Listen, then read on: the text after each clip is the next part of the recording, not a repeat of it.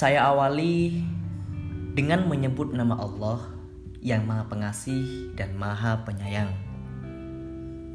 Hello everyone, semoga senantiasa kita diberikan kesehatan oleh Allah Subhanahu wa taala.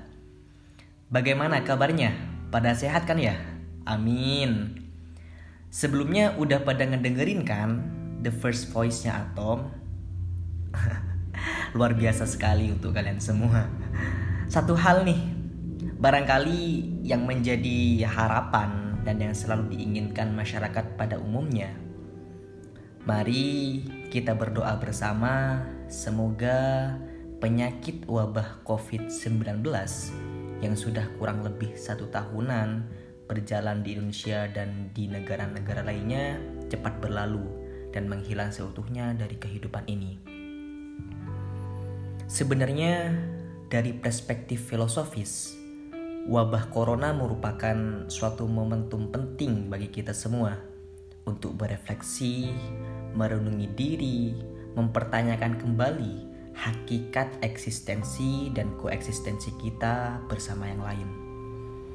Di mana-mana banyak warga dunia berdoa peduli kesehatan, saling membantu dan saling mengingatkan dan saling mendoakan satu dengan yang lainnya. Hal itu sangat indah rasanya ketika kita benar-benar mengamatinya secara seksama. Dari lubuk hati manusia paling terdalam, manusia seolah-olah mengalami fenomena kekosongan sebagai manusia. Atau juga kebanyakan dari kita cemas dan mengalami kegelisahan dan lebih parahnya lagi, manusia seakan mengalami kehancuran diri dalam berbagai aspek kehidupan. Semakin hari, kita merasakan semua urusan manusia dipaksa ditunda atau dialihkan acaranya dalam bentuk substitusional lain yang tidak lazim seperti biasanya. Pola-pola hubungan interaktif manusia berubah kita semua seolah merasakan dan mengalami ruang gerak fisik kita terbatas.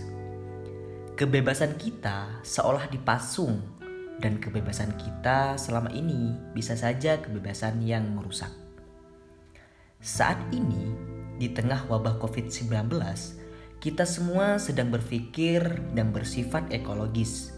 Inilah spiritualitas manusia ekologis kita sedang peduli pada aspek ekologis dalam hidup dan kehidupan kita bersama seluruh bangsa. Kita peduli pada alam lingkungan, termasuk kita dan makhluk lain di dalamnya. Menjadi manusia ekologis itu layak menjadi pilihan alternatif menjadi manusia kini dan nanti. Spiritualitas manusia ekologis perlu menjadi kesadaran bersama, pemahaman bersama, tindakan bersama, dan gerakan bersama seluruh manusia. Perlu disampaikan bahwa ekologis manusia dipelopori oleh para ilmu sosial, khususnya Auguste Comte tahun 1800 tentang rekonstruksi sosial. Ekologi manusia menekankan penyebaran manusia dan variabel sosialnya dalam tata ruang, sehingga kajiannya berkaitan dengan geografi, biologi, antropologi, ekonomi, teknologi, psikologi, hukum, pertanian, pendidikan, kesehatan, masyarakat, filsafat, agama, dan banyak hal lainnya. Karena studi ekologi terkait dengan masalah perilaku manusia dengan lingkungan sosialnya, maka teori perilaku mempengaruhi perkembangan studi ekologi manusia. Bell Gretler dalam Al-Hadza menjelaskan bahwa seseorang akan melakukan tingkah laku baru dengan model yang menarik perhatian untuk ditiru. Sedangkan menurut Koswara, tingkah laku adalah hasil kekuatan yang ada dalam diri individu dan kekuatan yang berasal dari lingkungan psikologis.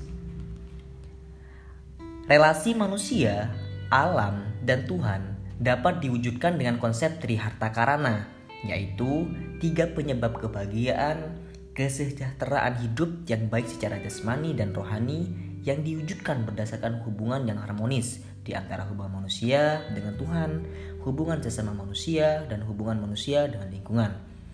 Tiga hal ini merupakan dasar pedoman hidup yang mana setiap hubungan di antara satu dan yang lainnya saling berkaitan dan selaras dalam mengembangkan keharmonisan hidup. Sikap ekologis yang sudah kita lakukan, yang sudah kita latih dan diperjuangkan selama COVID ini mestinya tidak hanya terjadi saat pandemi saja, melainkan juga seharusnya berkelanjutan di masa depan pasca pandemi ini menyebar.